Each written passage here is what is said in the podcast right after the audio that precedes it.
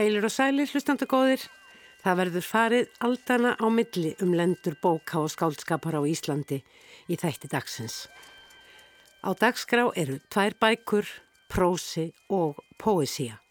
Annars vegar saga um eina af eldstu bókum á Íslandi en nýri skáldsögu Artísar Þóranastóttur Bál Tímans er það sjálf möðruvallarbók sem segir skilmerkilega frá tilvist sinni í gegnum öll sín 700 ár. Hins vegar verður í þættinum skoðuð fyrsta ljóðabók ungs ljóðskálds Kjartans Ragnarssonar og spyrja má hvort framtíð íslenskunar sé þegar runnin upp því Kjartan, Íslandingur í húð og hár, yrkir á alheimstungu okkar samtíma einskunni. Það er skilvirkara, segir hann, fleiri geta lesið. En við tillum okkur líka á íslenska skálskapargrein samtímans því að að kvöldi íslenskasta hottiðisdagsins, nefnilega sömardagsins fyrsta, blésu svikaskáld til jóðakvölds í Gröndalshúsi.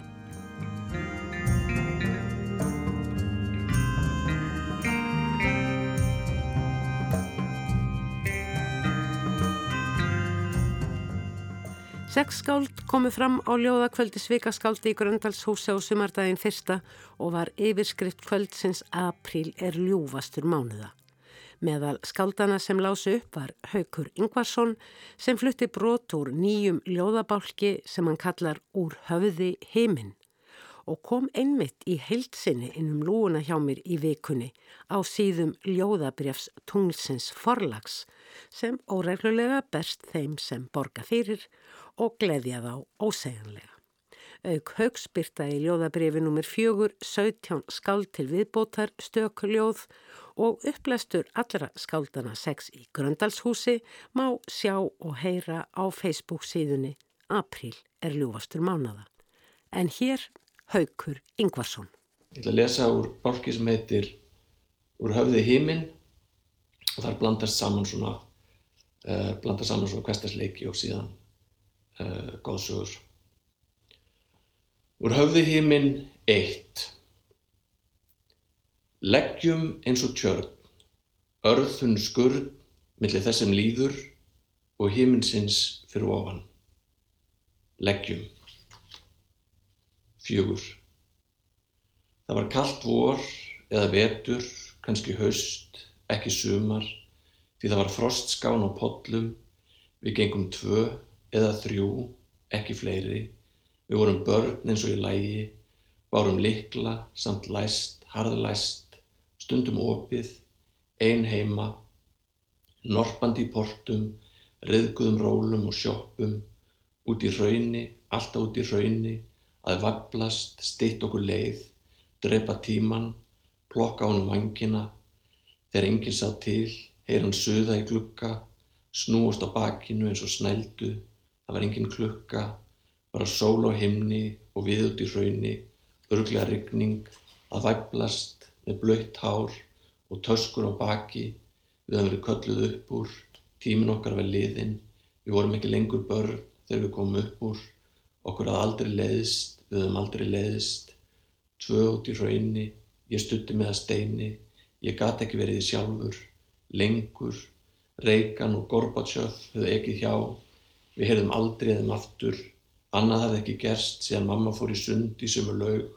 hún var líka kvölluð upp úr, kúpudeina var í hnút, aðri menn sátu við síman 1962, þeir tóku samt ekki við óskalögum eða peningum handa börnum í Eþjóbíu, þetta voru aðri tímar, önnur æska, samt fór mamma út í raun, hún var ekki að flýja þokulúðra eins og strákurinn í sögunni, hún var að væplast, það var kallt stríð og það var háði gegnum síma, og þess vegna mátti mamma ekki vera í sundi lengur út á köldu stríði.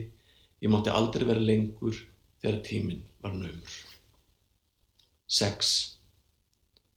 Livum á mærum minninga og alltumleikjandi veruleika. Ofrikra skinjunar mynda, þefs og hljóðs hrifa húðar, maga og þarma, bræðs.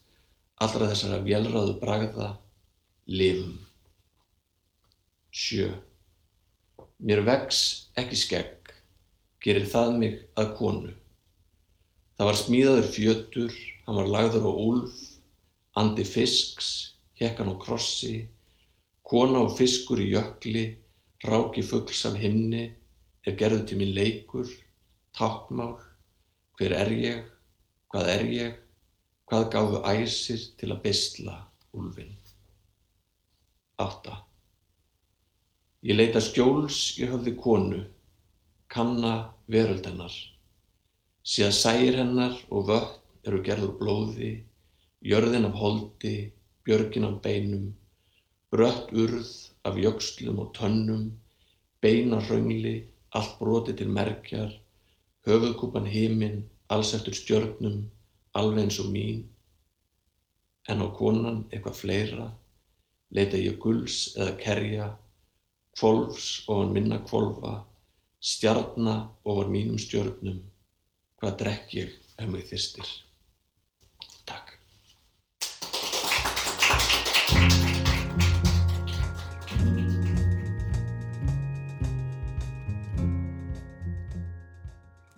Það er komið að söguhetjunni Möðurvallabók. Ég rumskað þegar pennin snertir bókfællið í fyrsta sinn. Hlýjar hendur skrifar hans fylla með öryggi þegar hann dregur hvern stafinn og fætur öðrum á ljósan flutin. Hann er að segja sögu. Hver lína segir mér eitthvað nýtt um fólk sem er laung og horfið. Hann skrifar um mann sem heitir Njál og konuna hans sem heitir Bergþóra. Hann skrifar um besta vín Njáls, hann Gunnar, og konuna hans sem heitir Hallgerður. Hann skrifar um börninu þeirra. Hann skrifar um bardaga og svik. Hann skrifar þá getur Gunnar og Njáll og Bergþóra eru öll dáin og ég er orðin margar blaðsýður. Þegar sögunni er lokið finnst mér ég skilja heiminn. Ég skil líka mannin, skrifar hann minn. Ég þekki hendurnar hans og ég þekki muldrið í honum þegar hann grúfi sig yfir mig og pýrir augun á gamla bók sem likur ofar á púltinu. Þaðan hefur hann fengið þessa sögu, söguna um njál og bergþóru og þau all. Hann hefur verið í marga daga að skrifa þessa sögu. Takk fyrir Artís Þóraninsdóttir. Þú last hérna upphafið að nýri bók eftir þig sem jafnframt er upphafið á tilvist viðfangsefnis bókarinnar sem er Möðruvallabók og ber þessi fyrsti kapli yfir skriftina upphafið um 1330. Þetta er sem sagt bók þar sem Möðruvallar bók segir sína eigin sögu. Hvernig í óskupunum dattir þetta í huga? Er langt síðan? Það eru svona tvö ár síðan. Ég er málkunnu Guðrunu Nordal á átnástofnun og hún hefði nefnt þennan möguleika. Það veri gaman að skrifa einhvers konar badnabók tengt uh, verkefnum stofnununar. Og það hafa þetta komið út margar frábærar badnabækur þar sem er verið að vinna beinlinis með þennan menningararf Brynhildur Þóransdóttir hefur endur sagt Íslendingasögurnar við um myndasögur uh, Kristín Ragnar og Þóran Eldjáttn og uh, Ingun Ástisadóttir hafa öll verið að uh, vinna með þennan óþrótandi efni við og ég var svona að hugsa hvað væri hægt að hvernig verður það nálgast öðruvísi og mér varð hugstætt hvað er magnað þessir gripir hafi verið í lifandi nótkun Þeir, það er ennþá, fræðimenn eru ennþá að vasast í þessu, já. Að vinna beinlinis með þessa síður sem hafa verið lesnar og handleiknar og, og þvælst með þær í gegnum allar sér aldir og það er svo magnað. Þannig að ég setti já eiginlega gripin sem bókina sem forngrip í mm. sem leðarstef og þegar ég fór að vinna þetta þá lánu svolítið beint við að hún segði söguna sjálf mm. Sástana fyrir þér þegar þú varst að skrifa varð hún að personu?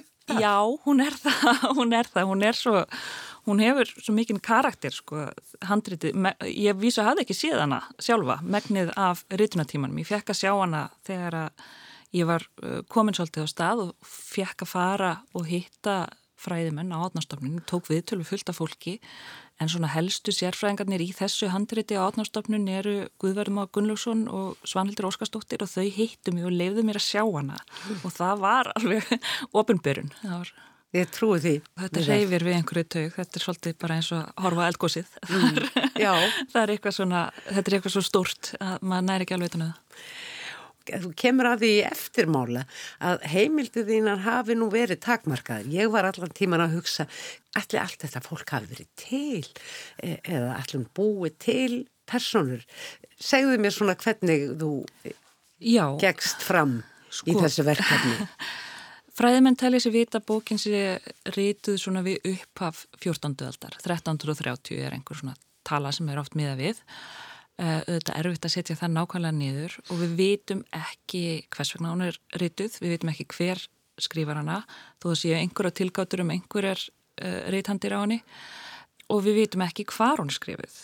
Þannig að hún fær þetta nafn Mörvellabók og hún hefur gengið undir því nafni í, uh, kannski bara síðan á 19. öld en það er vegna þess að uh, í mæ 19, nei, 1628 merkir Magnús Björnsson lögmaður sér hana og skrifar í stóru baðstofna möðurvöllum og við vitum ekki hvor er möðurvöllinni það eru. Þannig að, jú, það er... Það er kenning... séu þeir í hörgárdalið eða já? Já, þannig að það er hægt að svona eitthvað álíkt af þessu, hvers vegna hann eignast hana. Hún gæti, einn kenningin er að hún hafi verið rítuð í klaustrinu og hörgárvöllum og hafi bara verið þar þanga til Magnús kaupir hana. Eh, staðarhaldarinn þar var fjárþurfi eh, um þessa myndir og það getur alveg verið að lögmaðurinn hafi farið þangað og keift hana við en, það tilefni. En þú gerur úr þessu heilmikla sögur. Já, mér fannst ekki alveg nógu spennand, hún hefði leið á, í sömu stofu í 300 ár. Svo ég fyrir að skoða mögulegan á hínum öðru völlunum og það, er, það eru til kenningar um það. Það er bjósens að móðir Magnúsar Björnssonar og þeir mörvellir í eigafyrir voru, hafðu gengið til hennar uh, í gegnum bara erðaröð. Og það má hugsa sér að handritið hafi fyllt þeim stað. Þannig ég fer með hann að þangað yfir. Og það er meðal annars vegna þess að eitt sem ég lagði upp með var ég þýrt að finna konurnar. Það er mjög augljóst í þessari bók þarna dregur þau framlíkt og feminískur guðfræðingur konurnar í, í sögunni. Já, ég vil nú ekki halda þið fram að þetta sé svona bara einhver, einhverjir feminíski loftumleikar af því að það er voruð þarna sannarlega. Við vitum af konum sem voru miklir handrítasafnarar, við vitum af konum sem að lásu og hérna, þó að þær hafi ekki verið ábyrrandi í rítum heimildum og náttúrulega gengdu ekki ennbættum og slíkt. Guðrún Ingólstóttir hefur ju rítað merkabók einmitt um konundar. Guðrún Ingólstóttir var mér einmitt innan handar við rítum þessar bókar og var hérna mikil hjálp og ein kona sem að hún leiti mig að er Margrét Vigfúsdóttir sem var mikil eh, höfðingi á möðruvöllum í eigafærði og hún átti handrið, við vitum hún átti handrið svo ég ákvaða hún ætti að eignast handritið, þannig ég læt hana eignast handritið, hún var alltaf að gera upp einhverja kirkjur og var bara allt í öllu hana mm. á svæðinu. Þannig ég læt uh, príorinn í klaustrinu gefenni handritið í þakklættiskyni fyrir einhverja slíkar umbætur. Og þannig læt ég handritið komast í þá fjölskyldu og þar með er ég búin að tryggja leiðina að Magnúsi Bjössinni mm. 1628 Og svo er það börnin Já. Þú lagðir upp með að skrifa barnabók. Já. Og þá þurfa að vera börn. Helst. Til og, samsömunar fyrir lesendur. Já, og það hafa auðvitað líka verið börn. Við sjáum það bara á handritum. Börnin læra auðvitað að lesa af þessum skinnbókum. Það er til spásjökrót frá börnum sem eru að læra að lesa og skrifa og svoleiðis.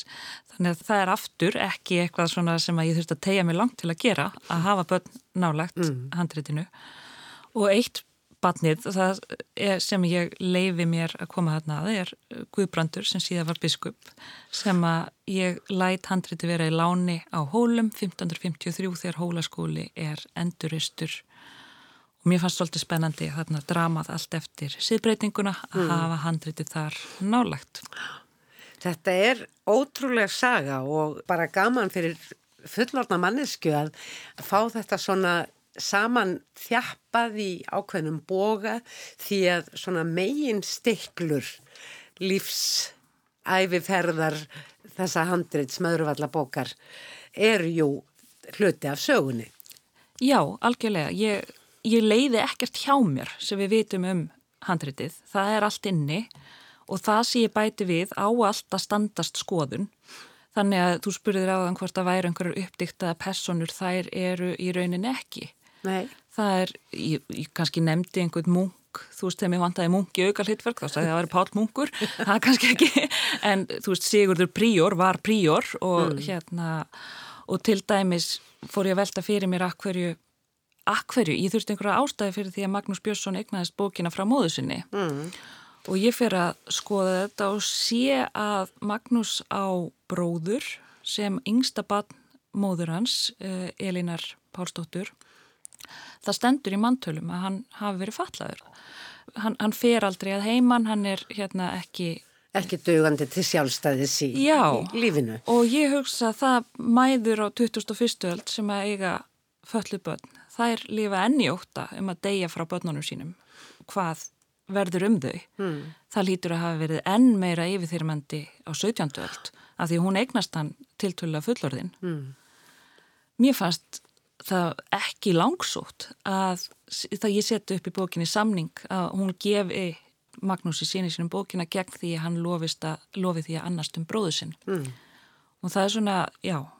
Það er mjög falleg saga en um leið líka svona pínlítið tvýra, hann, hann vil gætna fá bókina en gætna... finnst þetta greinilega líka talsverður ábyrðar hluti en ok Já, hann var nú kannski ekkert sérstaklega eindall maður, hann Magnús hérna, brenna fólk á báli fyrir galdra og svona, þannig að mm. það, já, já mm. en hann, hann var áhuga maður um bækur og varðveitti þær En talandum bruna já. það er hinn hin stóra vá sem getur stæðið að handritum, það er vatn og brunni, já. þetta tvent Já, og ímislegt sem hefur brunnið gegnum tíðina, eða sokið Já Þú rekur þessa sögu alla saman mm -hmm. og ég fæ eiginlega bara svolítið gæsa húð hvernig þú fléttar inn til dæmis söguna finnur glataða handriti Göksögu Trandilssonar mm -hmm. sem aldrei komst Já. í handrit og maður skynja það svo glögt hvaða stóð tæft að við fengjum hana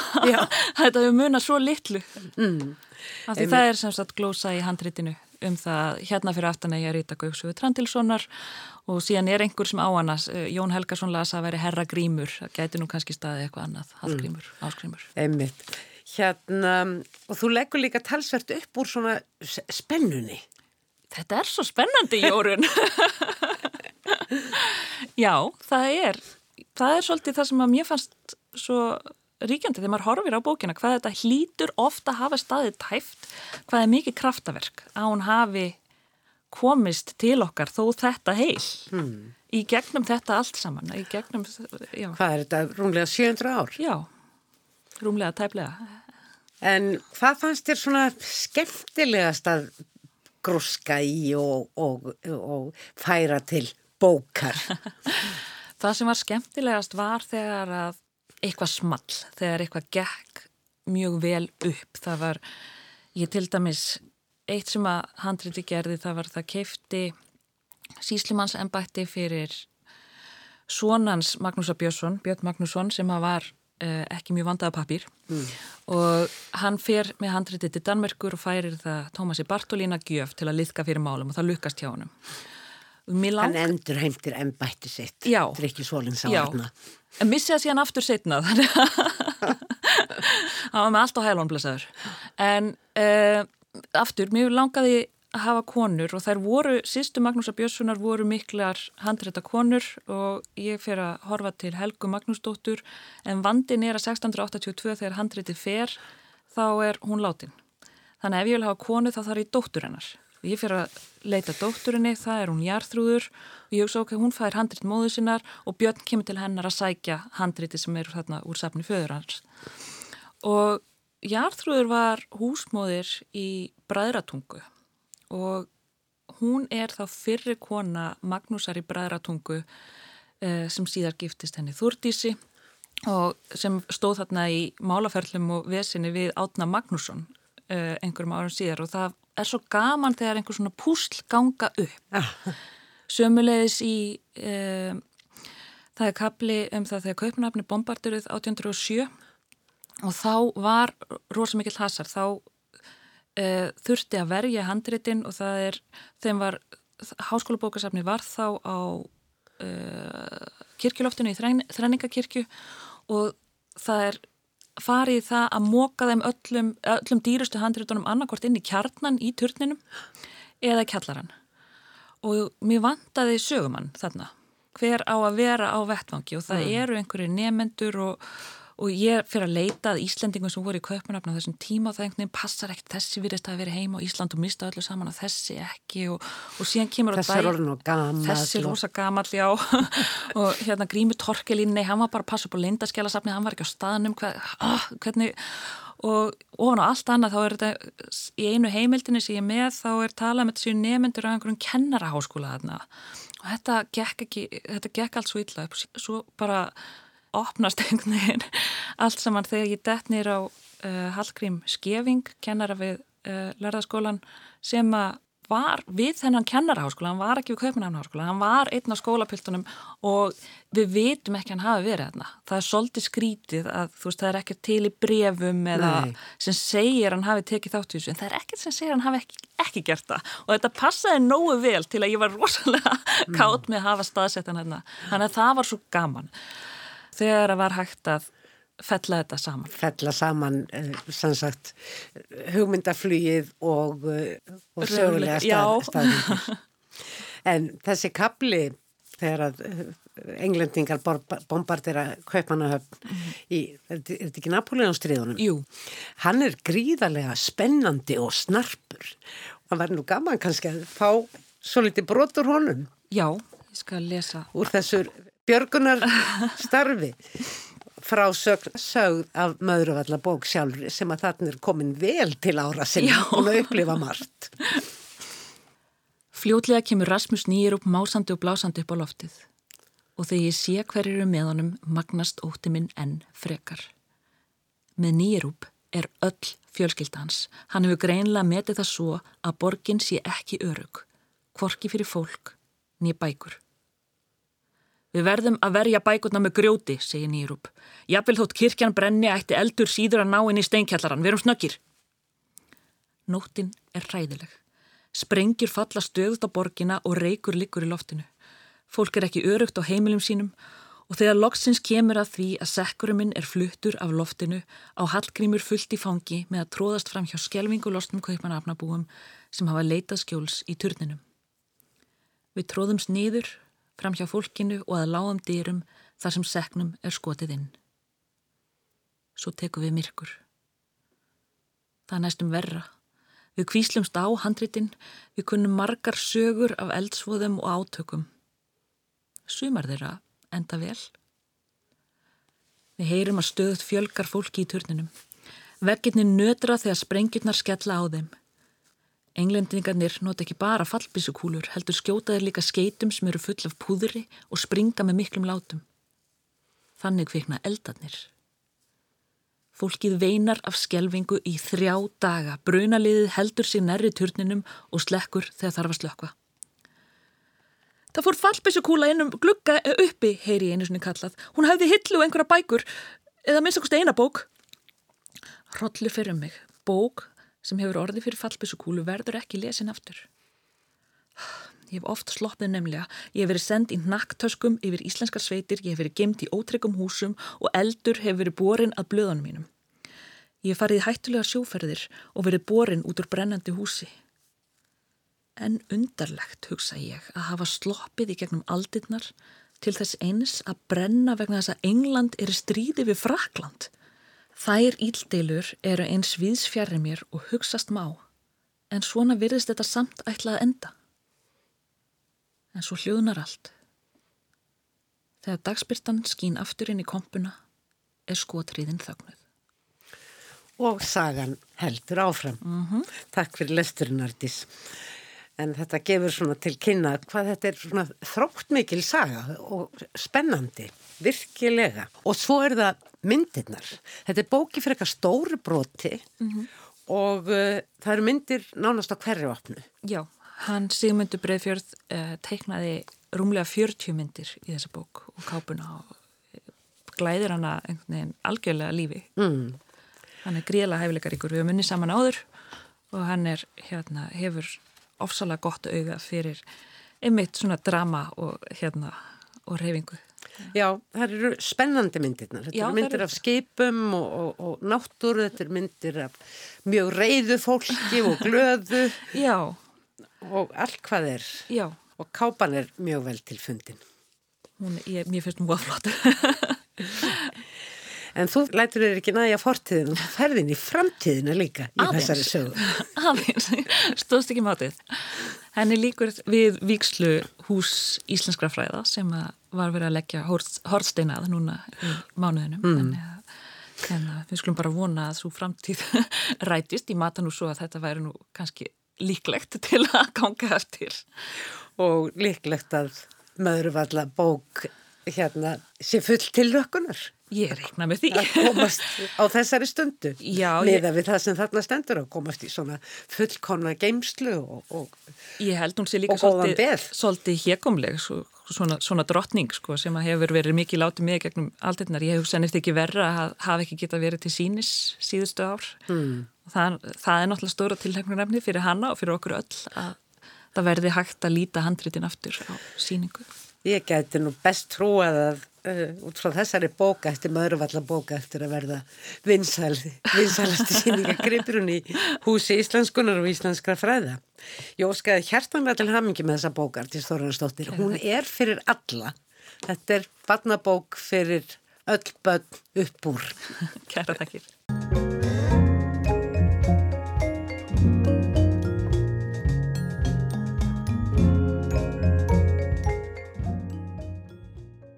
Það sætir svo sem ekki tíðundum að ungmanneskja sendi í eigin útgáfu frá sér ljóðabók.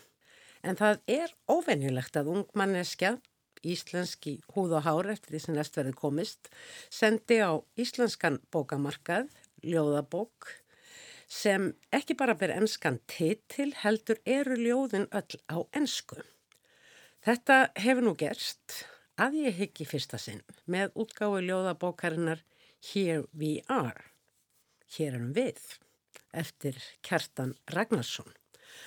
Kjartan er hinga kominn, sæll og blessaður og til hamingu með bókina sem er sannarlega allrar aðtikli verð, þótt ég verði að viðurkenna að það kom svo litið við mitt íslenska hjarta að ungskáld skildi velja enskuna til svo persónulegar tjáningar sem ljóðið er. Og langa mig þessna til að byrja því að spyrja þig, já, hvers vegna og hvað var unnið? Fyrst leið takk kærlega fyrir Rósið að vera búin að gefa bók. Sko, þetta er spurning sem ég hef fengið nokkur sinnum og atna, ekki frá jafnöldrum mínum sem kannski taka eftir því að ég skrifa hana ennsku en þau spurja ekki sérstaklega út í það. En ég fæ þetta mikið frá eins og um, fólkinu á aldur við móðu mína og svona vinkonum hennar og, og. Já, þetta er svo fyndið það því að þetta er spurning sem ég var ekki alveg tilbúin sjálfur að svara, manni lengi. Ég hef búin að vera vinni í þessari bók, skrifa fullt af ljóðum og ég hef verið að velta þessu fyrir mér sjálfur og mér fannst þetta að vera mjög rétt og mér fannst þetta náttúrulegt að vera að þessu. En ég var ekki með mjög hreint svar. En ég fattaði það svona almennilega sjálfur þegar ég var búin að gefa hann út og var að posta einhverju myndum af því á samfélagsmiðla og ég fekk inn bara streymi af skilabóðum frá vinum mínum sem búa erlendis að spurja mig hvort að þeir gætu fengið eintak Erlendum sem sagt. erlendum vinum mínum Ensku mælandi. ennsku mælandi sem tala ekki íslensku og ég myndi bara vá ég er að fara að senda mjög margar bækur út og þau hefðu aldrei geta lesið hana ef ég hefði skrifað þau á íslensku Mm. að því ég mann þegar ég var svona að byrja að skrifa ljóð að það, og ég skrifa alveg eitthvað á íslensku og eitthvað á ennsku meira á ennsku í dag en ég man oft þegar ég var að búa til einhver ljóð og var að senda þau á vinni mína að ef ég skrifaði þau á íslensku þá gæti ég bara þeim með íslensku vinni mínum en ekki neinum sem töluð ekki íslensku. Og þetta er náttúrulega svona mjög persónulegur tjáningamiðl og maður bara einhvern veginn næra sjá sér til fleiri á, á ennsku Mér finnst ég hafa lesið einhver staðar að þú sérst uh, annars vegar að læra eh, stjórnmálafræði og hins vegar sérstu líka að læra ensku beinlins. Ég er að læra ennsku. Ég hef alltaf verið alltaf lungin með ennskuna sko og, og tók ár í ennsku í háskólanum og er búið með eitt ár í ennsku og eitt ár í stjórnmálafræði núna og hef líka eitthvað verið að fara svona til útlanda á einhverjar svona ráðstefnur að tala á ennsku. Ég er mjög gaman að ræða um ennsku, að flytja ræður á ennsku þá aðala. Já, ég er í raun og veru miklu flinkari með ljóðlist á ennsku. Þannig að ég hugsaði líka ef ég ætlaði að búa til bók og hún er þið góð, þá myndi ég nú kannski byrja á ennsku. Áhrifavaldar, lestu til dæmis meira á ennsku, ljóð og annan skáldskap heldur en á íslensku? Ég reyni að blanda því. Ég hef alltaf reynd það. Taka mm. kannski, ef ég tek eina á ennsku, tvær á ennsku, tek ég eina á íslensku líka. Þú lest mikið? Já, ég myndi að segja það. Ég hef verið að lesa mikið síðust árin. En það er náttúrulega leðilegt að svona eins og bækur sem ég hef haft mjög gaman af eru svona eins og fantasíusögur og vísendaskálskapur mm. og það er bara sára lítið af þeim bókun sem hafa verið þýttar yfir á íslensku og eins og maður fyrir bókabúður þá oft vantar þessar, þessar svona algengu síkildur bækur eins og hunguleikana eða eitthvað slíkt á íslensku. Eitthvað af þeim hefur nú verið þýtt. Það hefur algjörlega verið þýtt sko. En það kom bara svo sent eða hvað? Já, bara lítið úrval. Ég þekki marga í minni stöðu sem er mitt um, hafa gaman að lesa svona bækur en geta bara ekki nálgast þær á íslensku af því það er ekki þýttar nú jafnóðum. Er, hvað ég segja, eðlilegra, aðgengilegra, skemmtilegra að lesa þessa bækur á ennsku, á frummálinu mm, frekar heldur en á íslensku í þýðingu. Það er náttúrulega alltaf gaman að lesa bækur á frummálinu. Það er það, en, en líka á íslensku. Ég las Hobbitnan á íslensku og fannst hún æðisleg á íslensku. Maður reynir alveg svo að blanda þessu. Þetta er fallið bók, Here We Are. Mm -hmm. fer vel í hendi mjúk og, og, og fín. Og uh, nokkuð svona hefðbundin að útliti með blíjanstekningum eftir heiðu mokk sem að sannarlega svona lifta bókinni. Alltaf gaman að skoða eitthvað inn á milli ljóða. Og þetta er heildstæð bók fylgir einhvers konar söguþræði í gegnum fjóra kabla eftir ástíðunum hefst á vori. Og uh, þú leiðir lesandan inn í bókina með svolítlum formálsteksta. Okkur er bóðið að stíga inn í borg, enga sérstakaborg, bara hvaða stórborg sem er, þar sem eru háar hótelbyggingar, spennandi en hættulegt nætturlíf, sofandi útkverfi og gardar sem eigað augra fólki til þess að eigra um og svo er þessi borg auðvitað fulla fólki auk þess sem í þessum ljóðum margvíslegar spurningar sækja á ljóðmælanda um tilvist sína og viðmið um heiminn. Stóra spurningin sem er svona gegnum gangandi er spurningin um endanleikan og óendanleikan. Ég myndi ekki segja að þetta var í bjart sínisbók þó hún, það er húmor í henni en það er svona undirlikjandi uggurum, endalókum og um svona það er svolítið verið að þrengja að. Já. Hvernig lýsur þú þessari búin? Hvernig lýsir ég henni? Já. Sko, ég myndi nú segja að þetta er alltaf marga personur aðna, sem er í bókinni sem bara búa í borginni, fattarum mm. og eru að hugsa ímjömskonar hluti, fattaru og, aðna, og maður sér það ekkert, fattaru fólk bara fer í gegnum lífið, fattaru en það er mikið sem er að gera sér höstnum að þeim og öll ljóðin í raun og veru flesturljóðin eru hugsanir hjá manneskum sem eru bara að fara í gegnum lífið. Þú sér þetta sem þennan ljóðmálenda mm -hmm. sem að uh, talar í fyrstu personu, Þa, það eru margar personur. Þetta eru margar personur, já. Og, og sumljóðin eru saman personur að koma aftur. Og mér stað bara að vera svona vola mennsku leið til að vinna í gegnum svona uh, stóra spurningar og svona erfið konsept eins og óendarleikan eða enda af því að við erum ekki alltaf samræma okkur sjálfum og við getum oft hugsað og haft skoðanir sem skarast á og, þurfum ofta að velta hlutum mikið fyrir okkur og mm. kannski komast ekki að góðum niðurstöðum í raun og veru bara með því að velta fyrir okkur hlutunum. Það er samt mikið verið að velta fyrir sér hlutunum í þessari bók. Það er, það er ekki mikið um framkvæmdir beinlýnis. Nei, þetta er raun og veru ekki. Þetta er aðalega hugsanir og pælingar og mér finnst þetta að vera bara ymmit svona bæðið skemmtileg leið til þess að ramma einhvers konar vandamálega spurningar setja upp einhvern veginn um, myndlíkingar eða aðstæður sem mm. maður getur lendi í alvörunni þar sem þessi hlutir koma saman mm. eins og að blanda saman einhverjum svona eðlisfræði lögmálum við ástina og slíkt. Kannski þú ættir að lesa eitt eða tvö ljóð og segja okkur aðeins frá þeim. Já, ég hef gert það. Ef við byrjum hérna á, það er í kaplanum Vor, sem er fyrsti kaplinn, það sem hlutir byrja, og heitir Progress in the City. I've been thinking about tunnels, the ones we dig to skip the mountains. When we stopped taking the high road, we forgot the view from the top. Þetta er, sem sagt, fyrsta ljóðið sem ég skrifaði, sem byrtist í bókinni.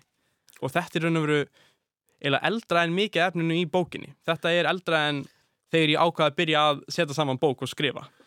Segðu okkur aðeins um hvað þetta ljóð fjallar. Já, sem sagt, þetta ljóð skrifaði ég þegar ég var að keira kvalfjörðagöngin.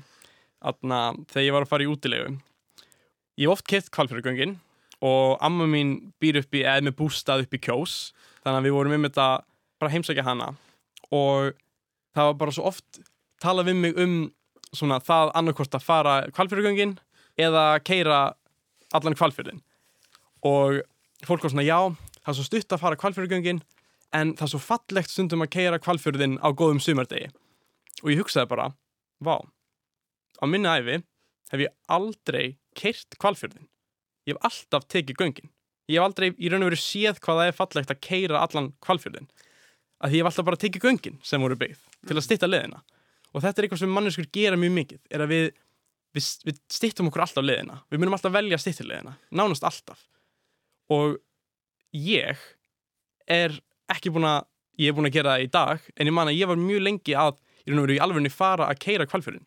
Og hérna erum við með um þetta, við erum að tala um göng sem eru grafin til þess að sleppa fjöllunum og bara þessu hugmynd að þegar við höldum áfram að stýtt okkur leiðir þá gleymum við fegurinni við að, að taka lengilegin og gera erfiðari hlutin og þetta á við miklu meira en bara kvalfjörðagöngin líka bara eins og þegar við fáum síma og við getum fara að ringa símtölu í fólk í staðan fyrir að þurfa að hitta það í personu mm. og svo við fyrir bara SMS-a fólk í staðin fyrir að hitta það í personu að það er, veist, það er miklu fljótara og það er skilvirkara og við náum að gera meira af því að minni tími fer í að ferðast og slíkt mm. En, en það glemist kannski einmitt þetta sem þú kannski ert að íja að að í ferðalæginu felst hinn raunverulega upplifun hinn raunverulega líf mm -hmm. en ekki endilega í markmiðinu, í punktinum sem þú ætlar að lenda á. Lærdómurinn á sér stað á leiðinni. Og við, við skoðum þessa hugmynd mikið í bókinu sko, atna hvernig við erum búin að um, gera lífið skilvirkara. Og á sama tíma erum við búin að missa af miklu sem gerist í raun og veru. Og eins og við myndumst á í upphafi að þá er enskan, ljóðin á ensku, þau eru mhm. rauninni skilvirkari, þau fara, geta farið víðar heldur -hmm. en ef þau eru bara á íslensku. Já. En mér fannst eins og það er alltaf merkilegt þegar ég var að lesa bókina að mér fannst ég kenna í raun íslenskrar ljóðhrinjandi. Mm.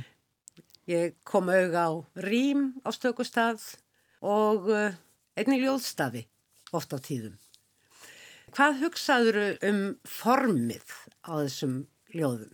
Það er alveg rétt þau. Eru knöpp, mm -hmm. þau eru mhm. mjög knöpp, þau eru óvinni knöpp eiginlega fyrir ungljóðskáld miða við það sem maður sér mm. þessi misserinn þetta er mjög skemmtileg pæling og ég náttúrulega hef eitthvað verið að læra málvísindi þannig ég hef mjög gaman að því að ég myndi að pæli af hverju fólk notar orðin sín eins og þau gera það og hvað orður eru valin.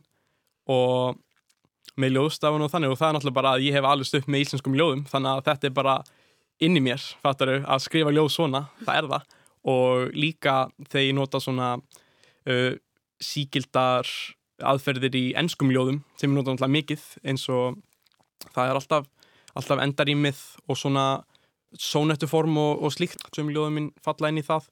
En að vera með einhverja ljóstafi þetta er upp á bara flæðið í ljóðunum og að láta þau og láta hljómburðinu vera góðan svona eru já, hrinnjandin sko, mm. er eitthvað sem skiptir mjög miklu máli og ljóðun eru mismunandi sum eru svona eru með meiri hrinnjanda og eru meira músikalska menn önnur eru bara mjög hrá og skilvirk í raun og veru bara hugmyndin og fara ekkert lengur en það.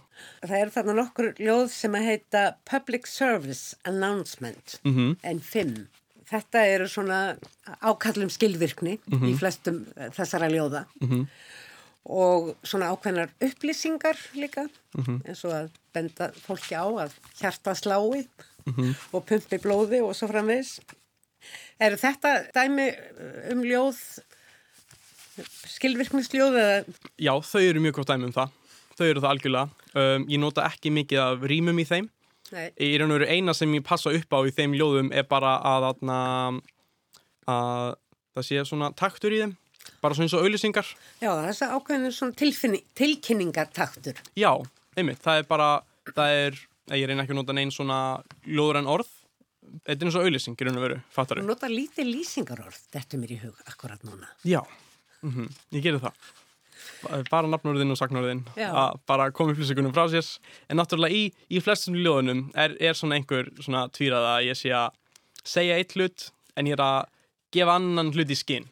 Í mörgum ljóðunum það á það að vera þannig að manneskan sem er að segja hlutin hljóminn sem hún átti sig ekki á hlutnum en, en lesandin tekur eftir honum. Að þetta er allt svona personur, fattaru. Og þær eru oft blindar fyrir ákveðnum hlutum af því að þær eru fastar í sinni heimsýn.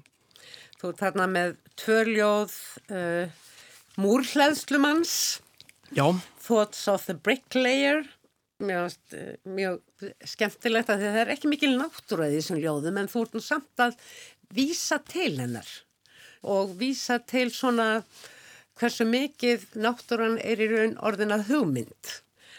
Lest okkur ljóðið Thoughts of the Bricklayer á blasið 20, það er fyrra ljóðið. Mhm, ég ger það.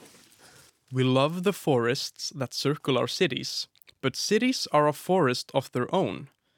The cities are like trees in how they're grown. Look at how the branching roads connect the blooming structures. A metal smeltery and leafy forest trees put the pedal to the metal so that both can live and breathe. Ironic how we pluck the weeds and kill all of the bees.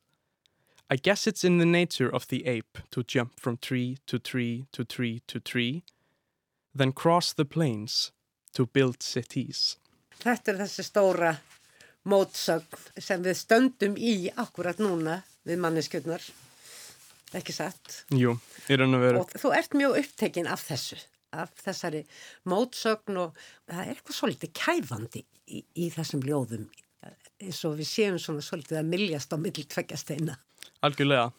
Og bara eins og í þessu ljóði er, ég mynd þessi hugmynd sko, að við erum manneskur og við höfum ekkert alltaf búið í borgum en þær eru miklu náttúrulega heimkynni fyrir okkur í dag heldur en, heldur en hvað við byrjuðum í náttúrunni sjálfri. Og við erum kannski ekki í þessu ljóði mikið svona að lýsa fegur náttúrunar eins og, eins og gerist í mörgum ljóðum heldur við erum bara að bera hana saman við heimilið sem er borgin þar sem við búum núna. Og þetta er einmitt manneskjan þessi, þessi svona múrari fattaru sem einmitt vinnur við það að, að byggja borgir og að sjá hvernig þær virka og kannski að leggja vegi. Og hann er að taka eftir hvað borginar eru líkar skógunum og, og trjánum. Og hvernig allt svona rennur inn í miðpunkt og, og svona blómstrar út frá miðpunktnum náttúran einhvern veginn hermir eftir sér sjálfri og við erum kannski við erum menn og við höfum oft svona hort á okkur uh, sem eitthvað frábriði náttúrunni og ekki, ekki það sama en við erum, við erum fætt af náttúrunni og við höfum okkur eins og allt annað lifandi og þegar við byggjum einhverja hluti sem okkur finnst ekki vera eins og náttúran þá eigum við til að ymmit herma eftir náttúrunni á, á vegu sem við erum kannski ekki búin að hugsa mikið um. Náttúran er okkar fyrirmynd þrátt fyrir allt. Já, Um, Ástin kemur líka við sögum. Ég talaði um óta og þrengsli og blir kæfandi en það er þarna líka eins og ég hef nefnt, það er þarna húmor. Þetta er sérstaklega í hug eh, ljóðið Happiest Faces in the City Mhm. þar sem þú ert að tala um brosin sem er ekki til staðar í, í borginni nema bara á stittunum, hinnum óumbreytanlegu. Þar erum við með þessa öfugu mynd með að við það sem að múrarinn er að tala um. En það eru þannig tvær nafngreindar personur sem að eru gegnum gangandi. Það er hann Elliot sem að mér sýnist eins og eldist í gegnum bókina, ég veit það ekki. Hann gerir það. Já, hann byrjar 13 ára eða 14 ára og endar 52 ára markam á tölutnar sem að fylgja nafninu. Já. Og svo er það hún Sofía sem er, já, hún er ástinn. Hún er eitthvað sem að var elskað, var yfirgefið, kemur aftur. Getur verið einn persóni, getur líka verið margar. Já, uh, þetta eru bæði sögum personunar og þú veist, ljóður oft svona afmörku við blaðið sem þau eru á en mér varst mikilvægt að þú veist að þessi karakterar sem eru að byrtast á blaðsögunum eigi sér líf bæði fyrir fram blaðsöguna og eftir blaðsöguna þannig að uh, þetta eru karakterar sem koma aftur og eru að breytast og þau eru að hugsa hluti og það er að þróast og þau eru að fara í gegnum hluti og, og koma aftur og, og líta á hlutuna öðruvísi setna Mér þetta er einhvern veginn í hug, sko, hvort að Elliot væri svona eitthvað annað sjálf ljóðmælanda. Ég leit á jegið ljóðunum sem eitt uh, og það er vantarlega leifilegt. Já, algjörlega, algjörlega leifilegt. En dætt í hug að Elliot væri einhvers konar, já, annað sjálf og Sofía þá uh, einhvers konar tákmynd hins, kynsins þess sem ást beinist að, þess sem beinir ást sinni að ljóðmælanda, mm. mín vegna. Það er alveg viss tólkun, hún er alveg mjög áhugaverð og er alveg gild. Það er reyndar áhugavert að ég hugsa sko flest ljóðin um Eliott í bókinni er í raun og veru frekar ég að uh, svona taka eftir því sem er að gerast í kringum mig við kannski vini mína, fattaru, og er að setja algengar upplifanir fattaru, í ljóðin og ég tengi miklu meira við svona persónulega sjálfur ljóðin hennar Sofíu sko. Já. Þau eru meira mín atna, og kannski eru nánari mínum uppljóðunum. Er þetta rattir sem að leita, leita á þig eða sérðu fólk fyrir þér? Er þetta alvöru fólk? Eh, nei, þetta er ekki alvöru fólk. Þetta eru meira bara svona karakterar sem ég bý til og mér er svo svona gaman yfir þegar karakterar, þú veist, þeir vilja eitthvað en þeim vantar eitthvað annað sem, sem þau vit ekki, veistu hvað ég meina mm. eða svona tífist í bókum Atna, þegar maður sér að karakterin er að reyna að gera eitthvað en maður kannski átt að segja á því að hann þarfur raun að vera eitthvað annað ég næ ekki að klára þannig hugsanir með neinum nema Elliot og Sofíu í bókinni mm. þau fari í gegnum einhvers konar svona ferðalag þar sem þau vilja eitthvað í byrjun eða upplifa eitthvað í byrjun og svo með tímanum átt að þau segja á því hvað þau þurfa í raun og veru. Og fá það á endanum. Eða að fá ljóð kannski Elliot og Sofía, hvaðan komið sér nöpp? Þau, sko, Sofía heiti Sofía af því að þetta er náttúrulega alltaf hugmyndin af borginni og Sofía er náttúrulega bara borg aðna út í Evropu Höfuborgin í Búlgaríu. Já, og einmitt ljóðin hennar fjalla mikið um svona að hún sé borgin, fattaru þú veist, að hún ripni niður og hún er reist upp aftur og nafni Elliot kemur Þetta er svona aðalega kannski vittnun í atna, söngleikin Billy Elliot. Svona, svona síkilt Það í hug? Það... Já, einmitt, þetta er, svona, þetta er mjög svona algengt svona, hvað segir maður svona staðgengisnafn fyrir um, samkynniða karaktera í raun og veru. Fyrsta ljóðið, Elliot is 14 Elliot er 14 mm -hmm. Your kiss split me in two Your kiss and I was through Lying limp behind the screen The camera is on you. I'm torn in two, the TV blue. I pressed replay and still I envy her and you. Þetta er náttúrulega bara að sjá þetta, þessa miklu sigurgöngu Billy Elliot mm -hmm. í myndinni. Algjörlega, það er svona einhvern veginn hvaða nöfnum koma sko. En þetta er mjög útpælt bók, ertu lengi að, að yrkja? lengi að snurfusa og, og fáa og slípa hugsununa þanga til að þú ert ánæður með allt í heilt. Er... Formið, hrinnjandina, innihaldið, sögnina sem að þú ætla ljóðinu. Þetta er mjög skemmtileg spurning, sko. Flest ljóðin verða til í sinni fyrstu mynd, oftast klukkan þrjú um nótt þegar ég liggur brúmi og er bara svona að hugsa eitthvað og svo bara kemur hugmyndin til mín og ég bara skrifunum er blað og það gerist mjög hratt, það tekur enga stund. En ég hef alltaf verið miklu betri að fara yfir hluti heldur en að skrifa það sjálfur. Þess að það var ljóð oft að hefnast mér vel frekar en uh, lengri sögur af því að ég hef úttaldi að klára eitt ljóð en ekki kannski að klára heilan kabla og svo fer ég yfir hundra sirum, ég fer bara yfir ljóðið og býtir fullt á útgáfum og sendi þær á vini og fæ heyru hvað þau hafa að segja um það og svo breyti því aftur og laga og kannski bæti við einhverjum stönsum og einhverjum línum og breyti og býtir hinnenda og kannski breyti meiningunni og seti inn orð eins og um, eins og mörgljóðin í bókinni. Um, hann nota einhver svona orð sem kannski aðlinn myndi nota. Eins og ef það er garðirskjumadur þá kannski notar hann orð sem tengjast blómum og garðirsku og það kannski gerist eftir á þegar ég er búin að eiga hugmyndina Þannig að það er mikill bunki undir þessari bók. Algjörlega. Er það eins með bókina? Er hún líka stíluð og, og slípuð? Hún, já, hún er mjög slípuð. Það var, það var mjög grimt sko að taka út ljóð sem áttu bara ekki heim í henni þegar, þegar endin fór hún álgast og maður sá svona hvert allt var að stefna. Mm. Það var erfitt en ég veit að þau munu bara eiga, eiga sinn tíma og stað einhver tíman setna. Kanski aldrei, en það er líkilagi og þú heldur áfram að yrkja mm -hmm. ertu enn á þessu hvað ég segja róli þessara mótsagna heimsinn sem að þú stendur jú frammi fyrir sem ungmanniska Já, ég myndi segja það núna er maður orðin 20 ára og maður er svona komast yfir þá bungu þar sem er svona að reyna að finna sig alla daga og er alltaf að breytast og er alltaf að spyrja sig hver er ég? Og, og maður er svona fann að þekka heiminn betur þannig að hlutur eru minna ókunnir og töfrandi með tímanum sko. Það er náttúrulega ekki búið en það mun aldrei vera búið og ég held að fyrir mig mun það aldrei klárast. Nei. og ég mun halda á svona spyrja einhverja svona spurninga og, og velta hluturum svona fyrir mér. Heyrðu, við þurfum að fá ástarljóð Vá, ástarljóð Þau eru svo mörgum ástarsorg.